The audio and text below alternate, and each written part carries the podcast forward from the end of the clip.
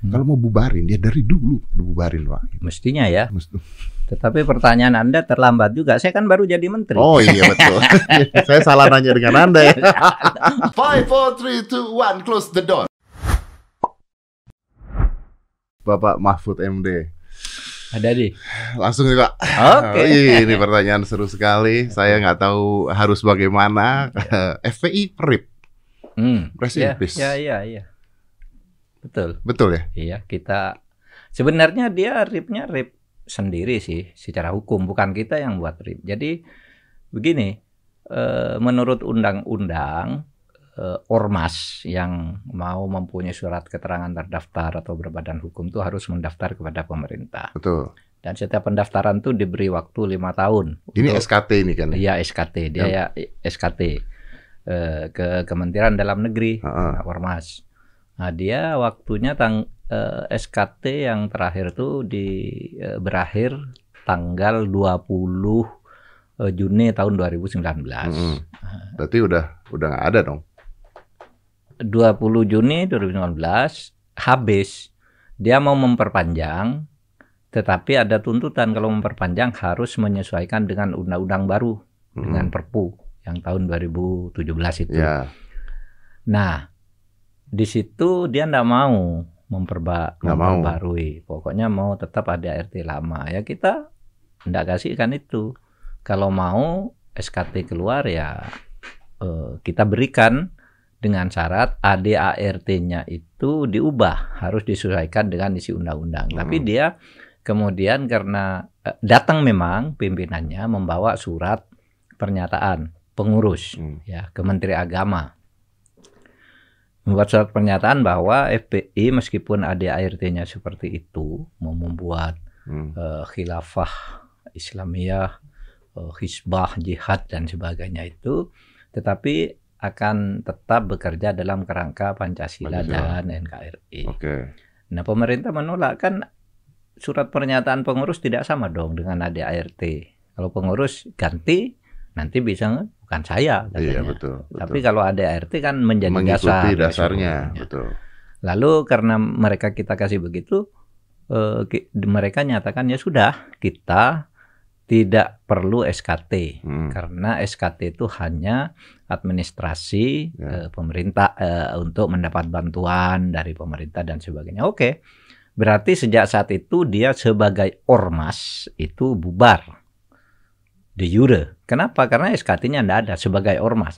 Tetapi sebagai organisasi biasa, Boleh. perkumpulan ya boleh kan organisasi biasa itu kan tidak tidak harus pakai izin. Nah, tapi kan sekarang yang heboh di mana-mana adalah dari beberapa pihak mengatakan pemerintah ini eh, enak sendiri. Hmm, Berani membubarkan, berani eh, ap- menghabisi FPI, Mhm. padahal kebebasan berkumpul itu adalah hak asasi setiap manusia yang mana harusnya ada undang-undangnya, harusnya kalau mau dihabiskan harusnya ada peradilan dulu, seperti itu, Pak. Oh beda. Jadi begini, itu terkait dengan asas legalitas. Nah, asas legalitas itu adalah sesuatu yang eh, apa namanya bisa diselesaikan berdasar aturan hukum yang ada lebih dulu. Nah, asas legalitas itu kalau di dalam hukum pidana memang harus diadili lebih dulu. Misalnya saya melakukan kejahatan, korupsi misalnya, selama saya belum diputus oleh ke pengadilan koruptor, mm, saya tuh tidak boleh dinyatakan bersalah, meskipun mungkin ditahan dulu. mm, Eh, sebelum ada putusan pengadilan, saya tidak boleh dinyatakan bersalah. Gaji saya masih dibayar, tunjangan saya dibayar, eh, dan macam-macam gitu. oke. Saya koruptor. Sebelum ada putusan pengadilan, itu hukum pidana. Asasnya di hukum pidana itu disebutkan eh, tidak ada orang dianggap jahat sebelum diputus oleh pengadilan berdasar undang-undang yang ada lebih dulu. Satu ya. Mm, mm, Jadi ada putusan lebih dulu hukum pidana. Kalau hukum administrasi di mana-mana sanksi itu dijatuhkan lebih dulu. Maka pemer- tindakan pemerintah ini melakukan tindakan administrasi misalnya melarang kegiatan HPH karena membakar hutan tanpa bertanggung jawab, cabut izinnya. Tidak ada pengadilannya baru kalau dalam hukum administrasi itu mereka yang dijatuhi sanksi, mereka yang dijatuhi sanksi itu kalau tidak terima gugat ke pengadilan baru Pengadilan nyatakan pemerintah salah baru dikembalikan haknya. Nah, sekarang kita larang ini kegiatannya. Silakan gugat ke pengadilan. Oke. Kan Tapi begitu. kalau seperti itu, Hmm. maka apa bedanya pemerintah kita dengan pemerintah Orde Baru zaman dulu? Ada koran di bredel, Hmm. ada yang misalnya tidak setuju, pemerintah tidak suka di bredel. Artinya pemerintah kita bisa membredel apa pun yang mereka tidak suka. Bu, enggak, itu kan kan tergantung pada perbuatannya. Ketika membubarkan itu, kalau pemerintah Orde Baru dulu kan cuma melarang gitu aja kan. Hmm. Kamu larang terbit karena ini. Kalau kita kan ada alasan-alasannya. Anda tidak punya legal standing untuk mengataskan atasnamakan organisasi. Kemudian ini kesalahan-kesalahan sesudah Anda tidak punya legal standing karena organisasi sudah de jure Hmm. secara hukum Hmm. bubar, tapi di berbagai daerah masih ada kegiatan-kegiatan yang melanggar hukum mengatasnamakan dan menggunakan bendera itu. Hmm. Maka kita nyatakan dilarang gitu. Nah, kalau eh, Anda ingin tahu kenapa, itu sudah ada Sudah saya baca, betul. di dasar pertimbangannya kan ada Saya kan? baca, ya, ini ya. lakukan ini, Ya. lakukan ini, Apa lakukan nggak ini. telat itu Pak? Memang telat, memang telat betul. Jadi begini. Eh, ini pertanyaannya Maaf ya. menarik. Dua hal, dua, dua hal. Satu telat. Sudah lama sebenarnya orang berteriak, pemerintah ini kok diem aja sih yang Lah, kayak gini. iya kan gitu tuh. Kan Seharusnya kan sudah lama nih dibubarkan. Kita tanya, bagaimana caranya membubarkan sesuatu yang secara legal standing tidak ada? Gitu kan? hmm. Tetapi tidak punya legal standing kok masih mengatasnamakan FPI terus. Nah, di situlah kita katakan larang. Kita tidak menyatakan membubarkan loh.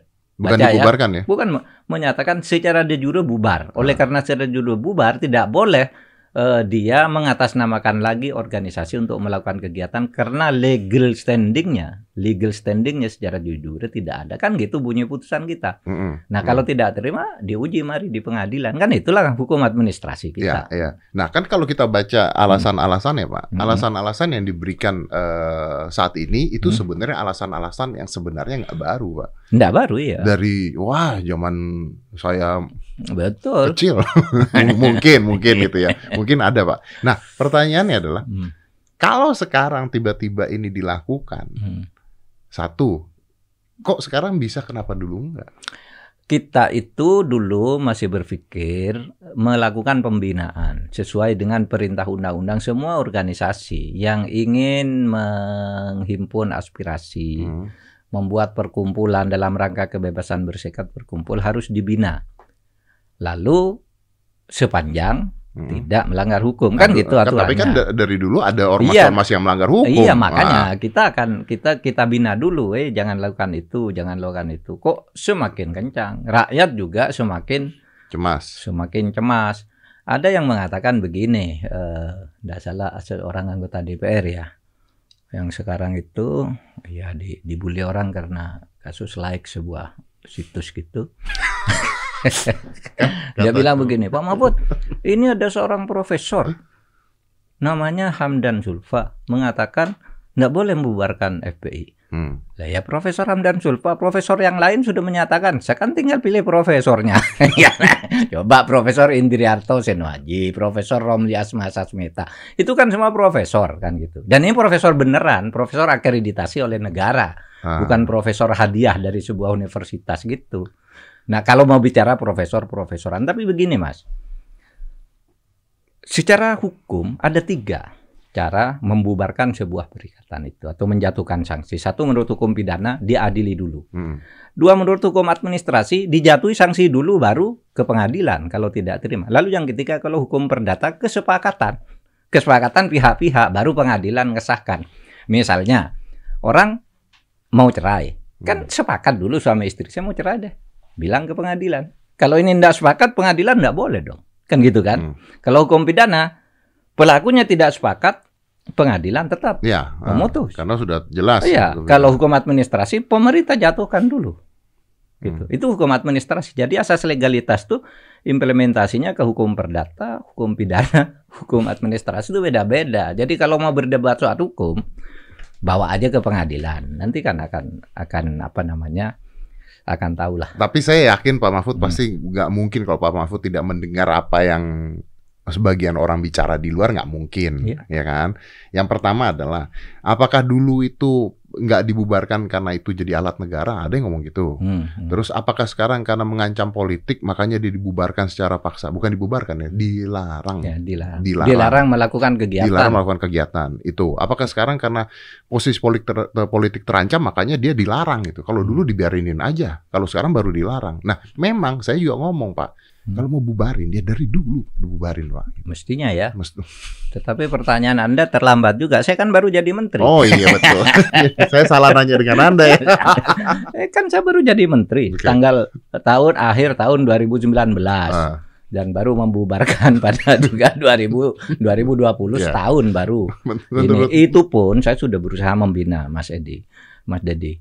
Pertama, ketika saya masuk orang ribut kan, kenapa si ano si eh, Rizik Sihab nggak boleh pulang? Saya tanya, mana? Kalau mau pulang lapor ke saya, saya Hmm. pulang kan dia warga negara. Mhm. Tapi dia enggak, enggak mau. Pokoknya enggak mau dibantu oleh pemerintah Hmm. gitu. Malah memaki-maki dengan sumpah. Demi Tuhan saya tidak mau dibantu oleh pemerintah dolim gitu. Sudah. Nah sesudah itu dia ngurus sendiri bisa. Kita buka izin untuk pulang ya sudah. Karena dia sudah sebagai warga negara mau pulang. Saya buka pintu. Saya bilang ke presiden. Pak ini udah boleh pulang. Eh, secara hukum eh, ya harus boleh karena menurut undang-undang dasar tidak boleh warga negara itu dihalangi untuk tinggal dan datang ke mana pun. Ya sudah kata presiden berikan hak hukumnya. Maka saya umumkan boleh pulang, boleh dijemput, tapi diantar oleh aparat sampai ke Petamburan sampai Ini- ke rumahnya. Ya, ini bukannya Bapak yang tib- akhirnya jadi masalah karena ada orang yang mengatakan bahwa ini harusnya yang bersalah adalah Pak Mahfud. Karena Pak Mahfud mengatakan boleh dijemput. Nah, begitu boleh dijemput, Memang jemputlah mereka. Kaitannya kerumunan. dengan itu Pak Ridwan Kamil mengatakan itu. Ah. Dia katakan harusnya Pak Mahfud yang diperiksa. Lah, saya kan membuat diskresi. Hmm. Buat diskresi orang boleh pulang dan boleh dijemput asal tidak melanggar protokol kesehatan dan diantar ke rumah. Nah, sesudah dia peristiwa ini kan sesudah diantar ke rumah. Kan malam. Diantar ke rumah Hmm. tanggal 10 itu jam 4 polisi saya suruh pulang semua udah. Tahu-tahu malam bikin acara sendiri yang sesudah diperingatkan masih melakukan itu sambil memaki-maki dan sebagainya. Itu sudah di luar diskresi. Pertanyaan saya adalah ketika mereka ketika dijemput di bandara, Pak, kan pasti terjadi keramaian. Hmm. Kenapa Bapak bolehkan? Kan terjadi keramaian, Pak. Ya itulah yang disebut dis- diskresi. Karena pertimbangannya pada waktu itu, kalau tidak diizinkan, kita khawatir meletus di berbagai tempat keributan. Salurkan Oh. aja ke bandara. Bandara itu berapa, Mas Dedi? Itu kapasitasnya tidak lebih dari 10.000 ribu. Hmm. Jadi gini ya, intinya adalah eh, terbaik dari yang terburuk gitu. Terbaik dari yang terburuk dan itu dibatasi sampai di Petamburan. Dan sudah diantar Petamburan kan selesai diskresi. Sesudah itu tidak boleh lagi melanggar gitu. Saya panggil eh, Kapolda pada waktu itu Pak Nana dan Pak, Pak Pangdam.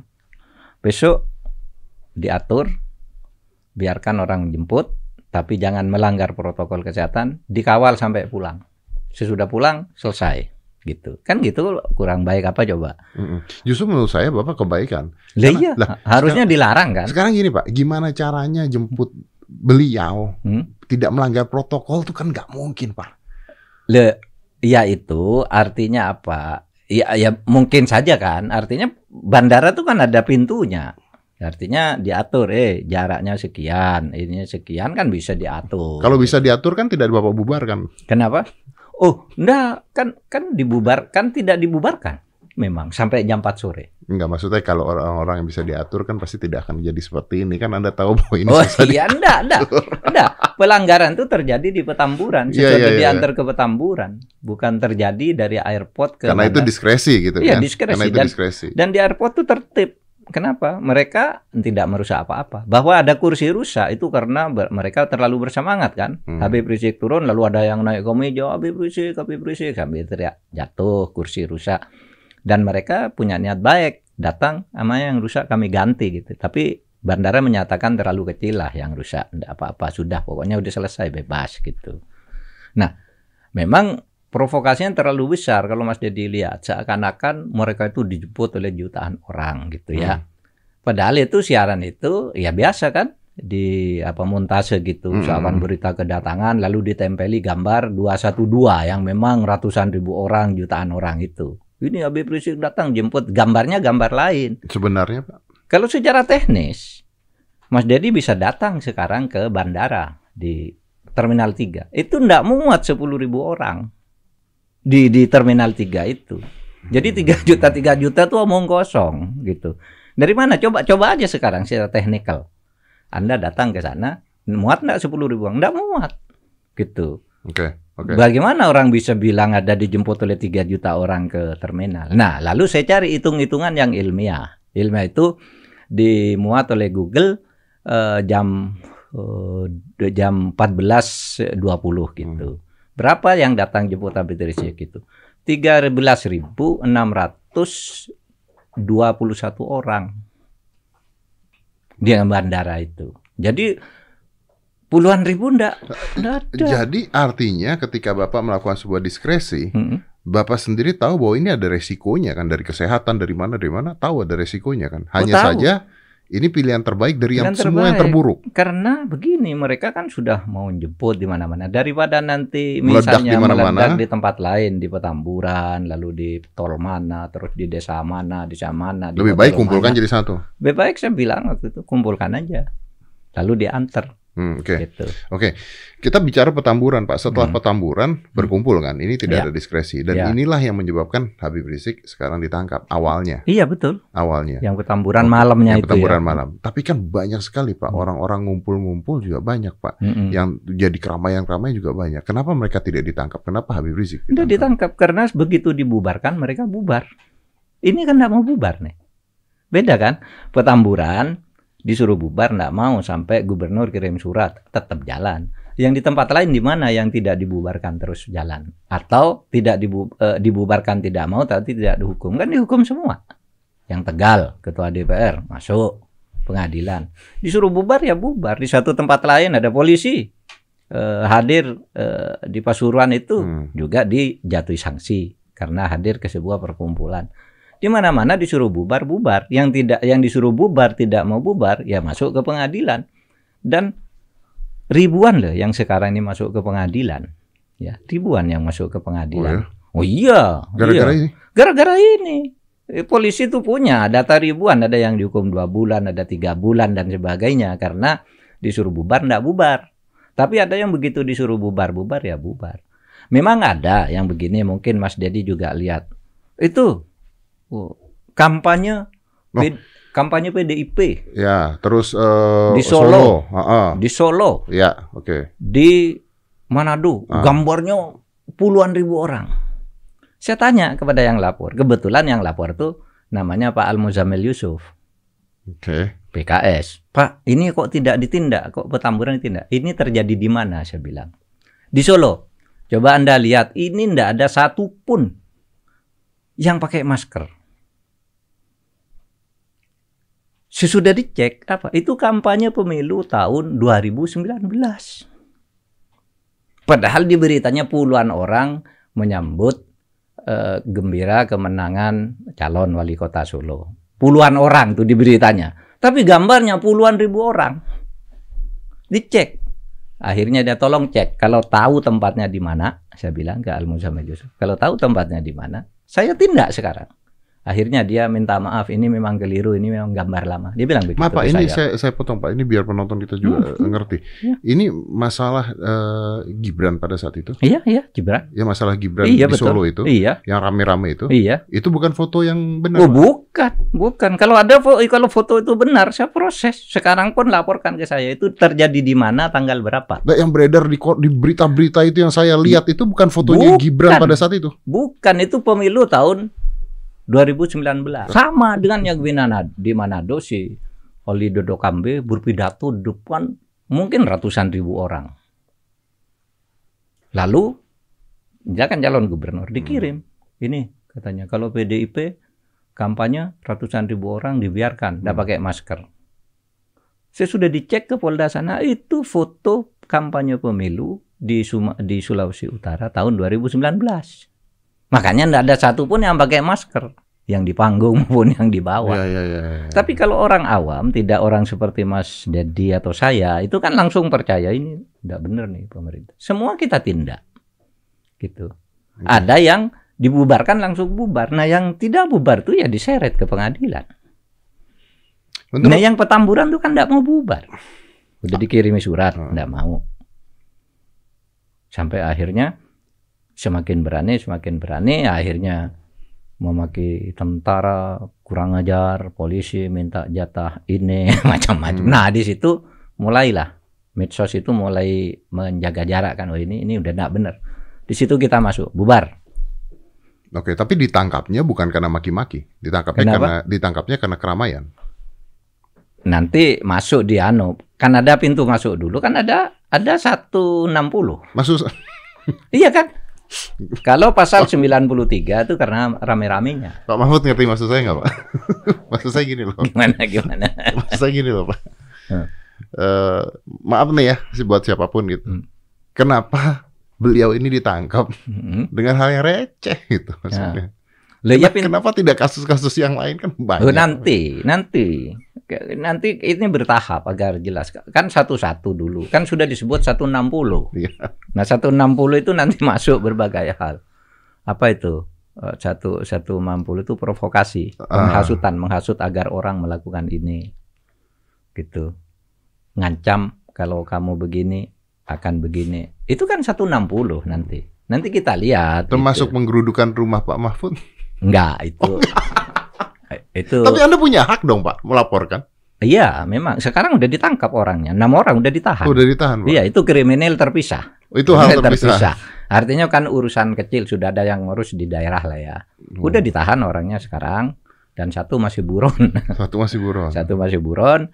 Saya bilang enggak apa-apa buron. Itu kan hak, kalau mau berani lari, lari 18 tahun. Karena daluarsa dari tindak pidana itu baru dianggap bebas 18 tahun. Okay. Dianggap selesai. Okay. kalau, okay. kalau mau lari terus 18 tahun bersembunyi ya silahkan. Oke, okay. saya tanya Pak Mahfud. Menurut hmm. Pak Mahfud rakyat Indonesia, kita nggak ada yang bisa tahu. Tapi menurut Pak Mahfud rakyat Indonesia, lebih banyak yang senang ini dibubarkan, dilarang, atau lebih banyak yang kesal ini dilarang, Pak? Bayangkali subjektif saya. Mm -hmm. Ini kan asal ngomong aja kita ya, gitu. Saya Pak. subjektif. Menurut saya justru sangat banyak yang ingin ini dibubarkan. Seneng kalau ini dibubarkan. Buktinya apa? Buktinya sebelum itu kan di medsos kok pemerintah ini kalah sama preman. Kok pemerintah ini kok tidak hadir dalam dalam perongrongan terhadap kewibawaan negara seperti itu. Nah, sebelum kita bubarkan tanggal 30 itu, Ah, sebelum kita nyatakan de jure sudah bubar dan melarang kegiatan, itu kita sudah punya survei. Oh ya? Survei resmi ya, pemerintah punya. Survei ke? Ke masyarakat. Ke masyarakat. Ke masyarakat. Minta memang ya eh lebih dari 80% itu memang minta itu dibubarkan, mendukung pemerintah mengambil tindakan tegas. Nah, yang sekarang terakhir ini kan ada lembaga survei lagi yang bukan pemerintah, 92% ya merasa pemerintah tepat melakukan pembubaran. 92 Iya kan ini lembaga apa yang kemarin dua hari lalu itu kan baru dikeluarkan. Itu hmm. sama persis dengan hasil survei yang dilakukan kalau, pemerintah. Kalau seandainya hasil survei tersebut uh, real, hmm. artinya suara-suara yang keras ini sedikit ya? Ya kan sedikit. Tapi memang. kok suaranya besar? Iya karena mereka punya amplifikasi medsos. Kita kita mungkin di situ aja. Coba Anda lihat yang bersuara siapa sih? Yang bersuara siapa coba? Ya, itu, kan itu. sama itu-itu aja. Nah sementara rakyat kan lain lagi suaranya.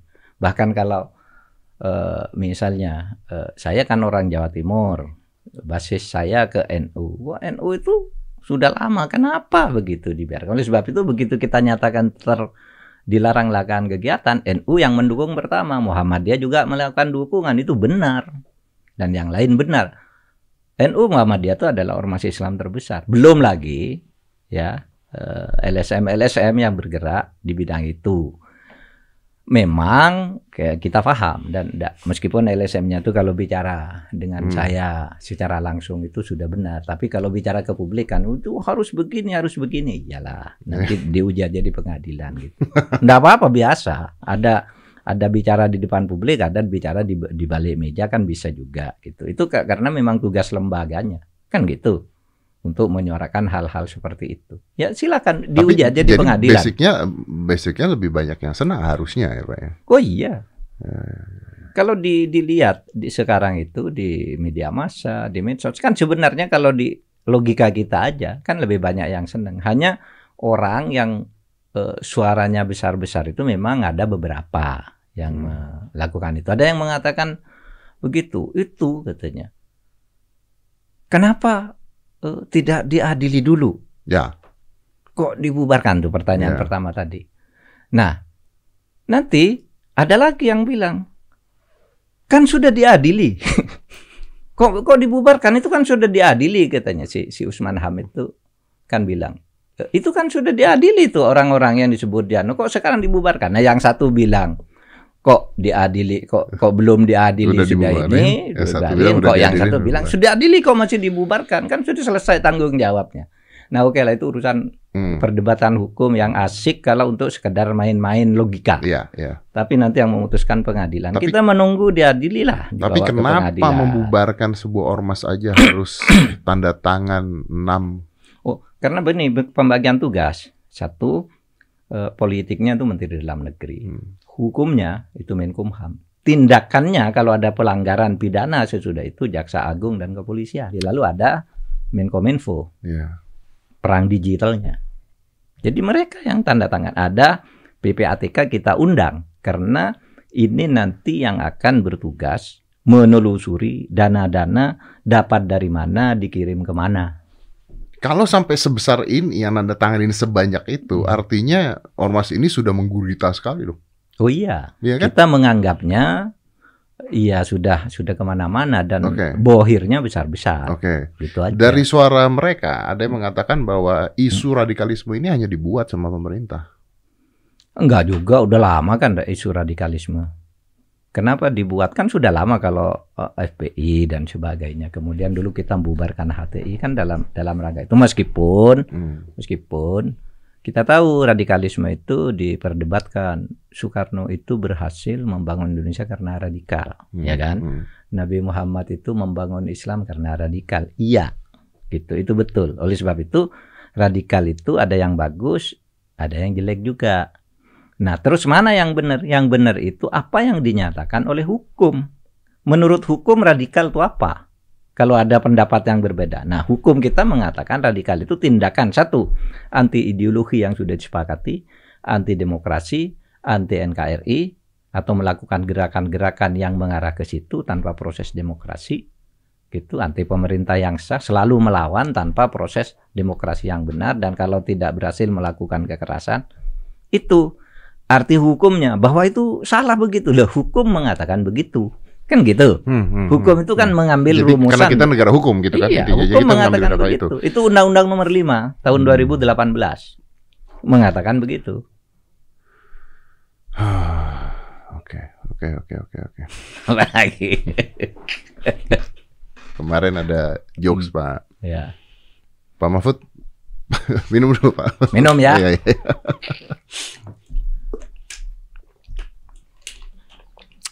Ada teman saya ngomong, Hmm.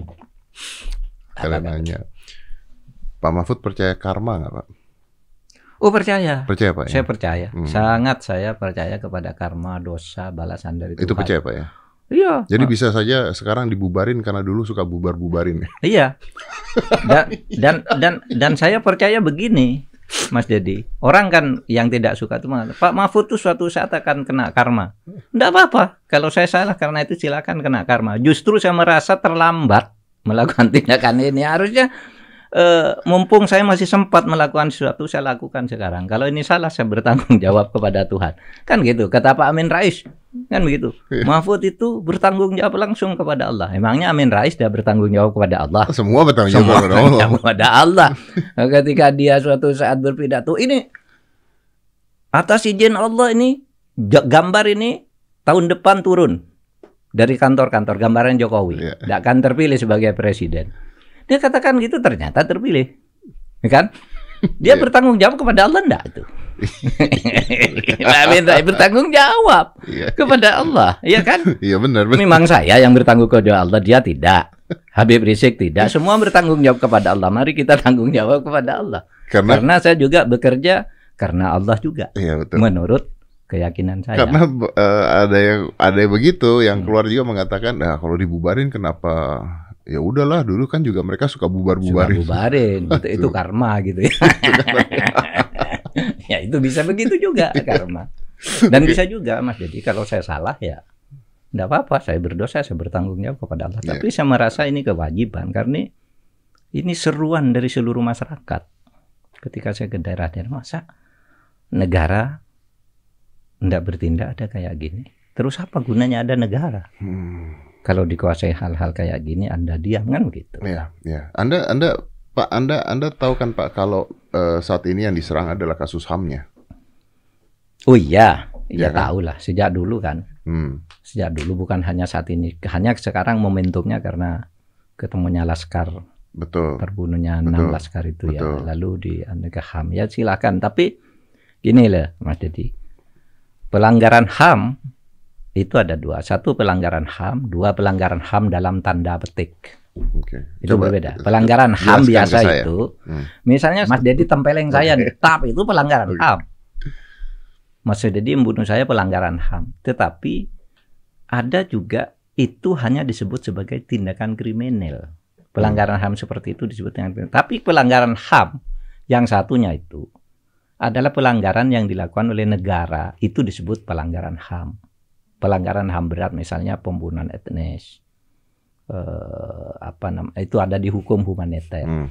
Nah, temuan HAM tentang laskar ini adalah bukan bukan pelanggaran HAM yang dilakukan oleh negara, tapi pelanggaran HAM dalam arti kriminal karena katanya membunuh orang dalam satu waktu gitu yang sama pasti bukan karena membela diri kata HAM, Hmm. tetapi Komnas HAM mengatakan itu dibawa ke pengadilan umum berdasar Undang-Undang Nomor 39 berarti itu kriminal bukan pelanggaran HAM yang tanda petik Oke. tadi. Tapi artinya kalau itu kriminal pun Mm-mm. bisa polisinya pun bisa salah dong harus. Eh, Iya, tetapi tidak institusional. Karena kalau pelanggaran HAM berat itu ada instruksi terstruktur, sistematis dan masih direncanakan. Kamu datang jam sekian, jebak di situ, tembak dengan ini, buang mayatnya ke sini atau apa. Nah itu itu pelanggaran HAM dalam tanda petik terstruktur, sistematis, masif.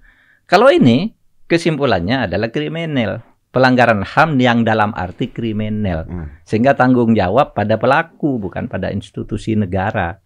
Itu kesimpulan Komnas HAM dan kami nah inilah eh, Mas Dedi kami tidak pernah mengintervensi atau ingin mempengaruhi Komnas HAM. Sejak awal kasus itu terjadi, kita katakan oke lah, silakan Anda eh, Komnas HAM lakukan penyelidikan. Kan waktu itu masih ingat kan banyak desakan agar pemerintah membentuk Hmm, tim, TGWF, ya, ya, tim pencari fakta. Saya bilang nanti kalau pemerintah yang bentuk diejek lagi.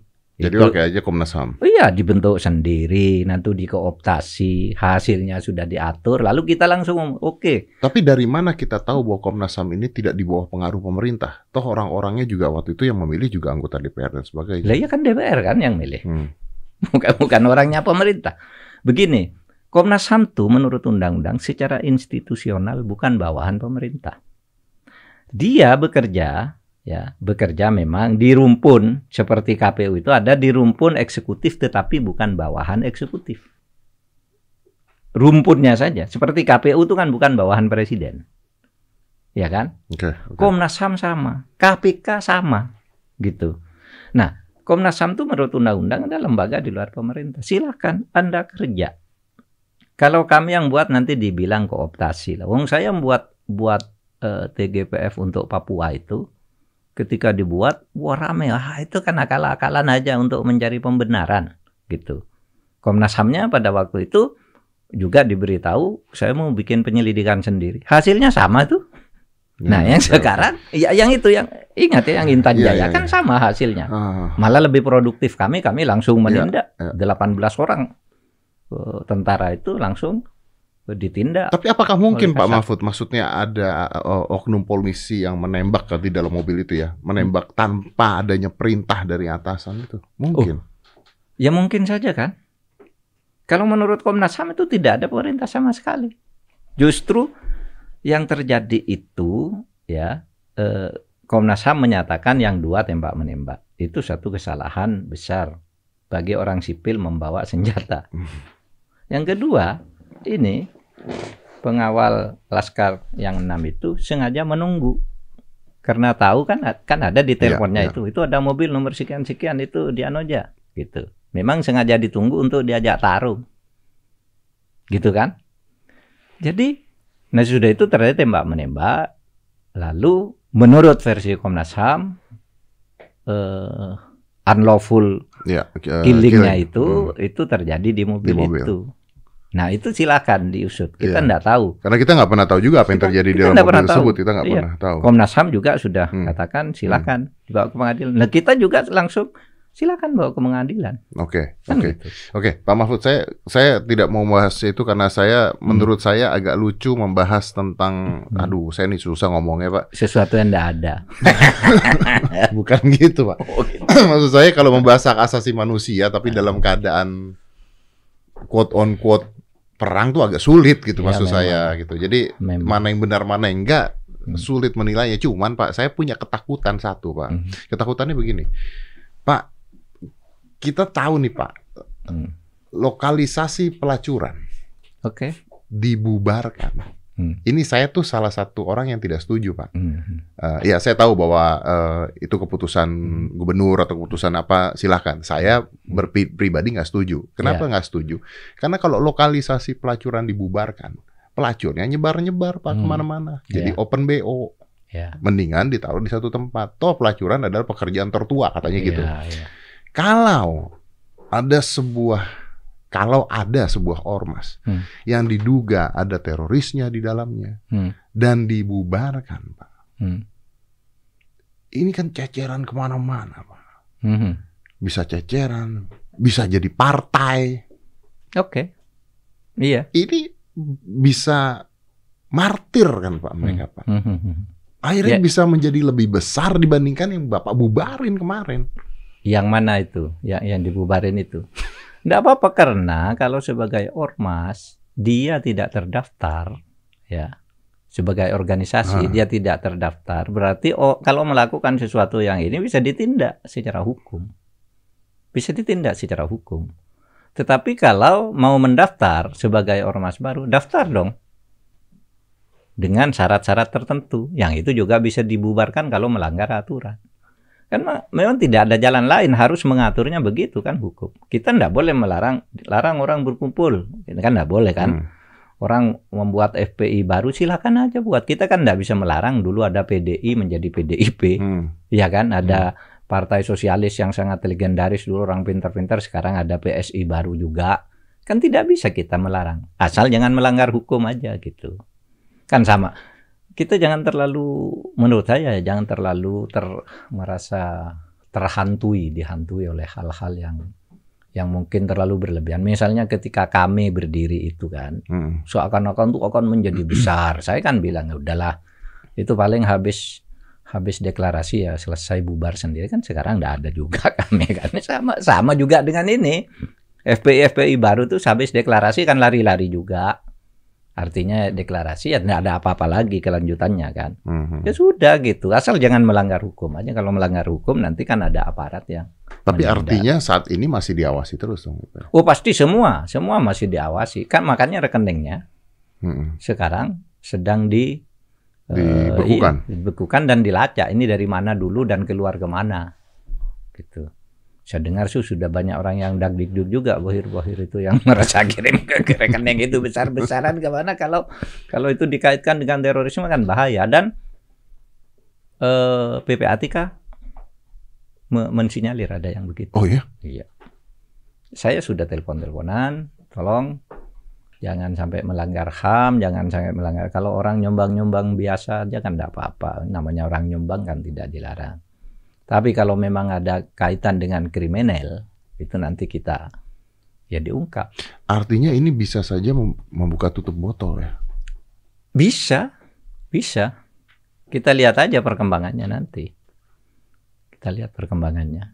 Tapi kan sekarang itu kita sedang sedang berpikir bagaimana membangun penegakan hukum itu berdasar restoratif justice. Hukum itu yang tidak bikin gaduh lah gitu. Kalau itu sudah selesai dan tidak ada lanjutan-lanjutan ke sekarangnya mungkin mungkin ya kita catat saja bahwa itu dulu pernah terjadi Hmm. begitu sebelum organisasi itu dibubarkan atau sesudah dibubarkan dan sebagainya dan sebagainya Hmm, Tapi udah ditandain gitu. udah ditandain udahlah sekarang kan teknologi gampang sekali ini dari siapa dari mana siapa yang nyetor dan sebagainya kan ada di situ semua.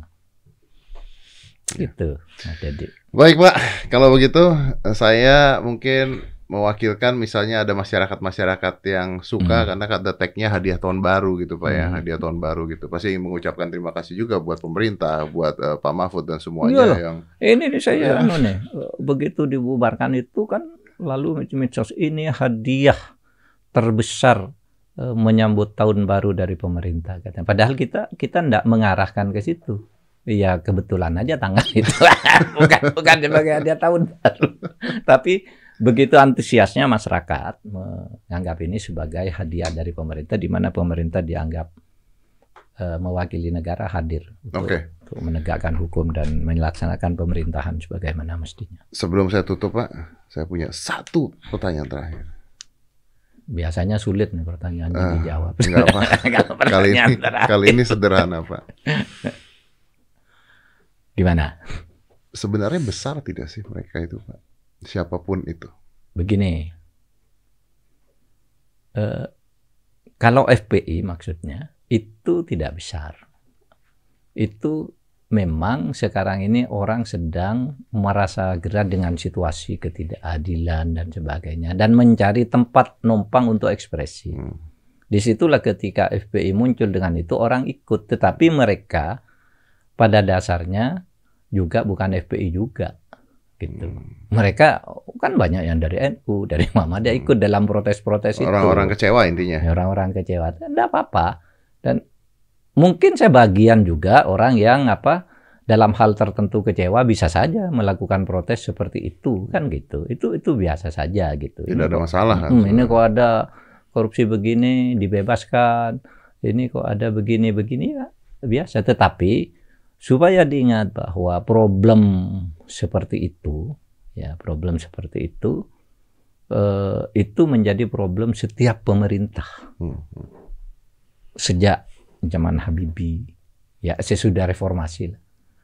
Habibie Gus Dur eh, Mbak Mega Pak SBY Pak uh, Jokowi ya, kan ya, sama tuh sama. kapan nih keadilan ditegakkan? Kapan kan semua semua masih mencari karena sangat banyak masalahnya. Oleh sebab itu, mari kita sejauh yang bisa kita lakukan. Jangan kalau kalau tidak bisa melakukan semuanya lalu ditinggalkan semuanya. Saya orang pesantren ada dalil gitu e, malah yudroku kulluhu la yutroku kulluhu. Kalau kamu tidak bisa menyelesaikan semuanya, jangan ditinggalkan semuanya. Yang bisa kamu bisa selesaikan, selesaikan, selesaikan. Itulah sebabnya kita milih. Ini yang gampang, ini yang gampangnya yang rumit korupsi menyebabkan jenderal ini, pengusaha ini, korporat ini, ini ini kan agak rumit karena misalnya urusan tanah, Mas Dedi.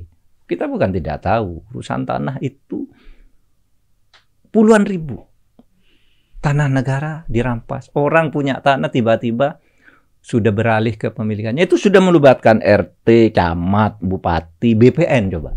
Lalu diputus oleh pengadilan. Kita gimana cara mengambil punya orang itu? Kan ini sudah putusan pengadilan. Ini ribuan jumlahnya.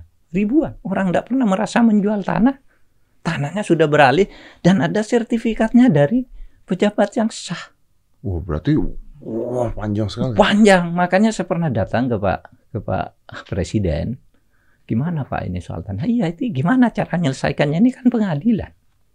Pengadilan memutus gitu BPN, BPN di masa lalu ya. Pertanahan sudah mengeluarkan ini secara sah. Makanya ada yang terbongkar di hmm. NTT itu gila itu. Tanah negara diklaim oleh pribadi dibagi ke pejabat-pejabat. Dan semuanya sudah lewat BPN, lewat RT, lewat camat, lewat bupati. Berarti semuanya ikutan dapat duit. Iya, dan itu baru contoh di NTT, di Kupang, di berbagai daerah lain banyak yang begitu. Sudah begitu parahnya. Terus apakah dengan begitu Loh kok pemerintah diam aja? Pemerintah tidak diam, tetapi menyelesaikannya itu kan tidak bisa langsung diambil gitu. Misalnya, ya karena uh, Mas Dedi punya tanah secara tidak sah, tetapi dia punya sertifikat. Hmm. Mas Dedi bilang saya beli dari ini, beli dari ini, beli dari ini kan tidak bisa. Meskipun ini menyatakan saya tidak pernah menjual, langsung diambil begitu saya sudah putusan pengadilan. Dan itu ribuan, itu ribuan. Oleh sebab itu memang kalau saya sih memang harus ada tindakan yang lebih revolusioner sifatnya land reform. Iya kan? Kayak Filipina dulu. Aku ini bikin land reform dulu. Ya lumayan lah beres. Pokoknya diambil oleh negara dulu bagi gitu. Berani ndak Oh, kita? tapi kan wah. Nah itu kan pasti kan katanya. gaduh. Tapi kan gaduh katanya. Gaduh. Nah dan dan kita tidak bisa pemerintah yang mengatakan itu. Nanti DPR-nya bilang tidak, parpolnya bilang tidak, medianya bilang tidak. Nanti konglomerat-konglomerat hitamnya bayar juga orang agar bilang tidak. Terus gimana? Nah ini situasi kita. Nowadays. Oh. Shit. Shit. Iya, lah. Aduh.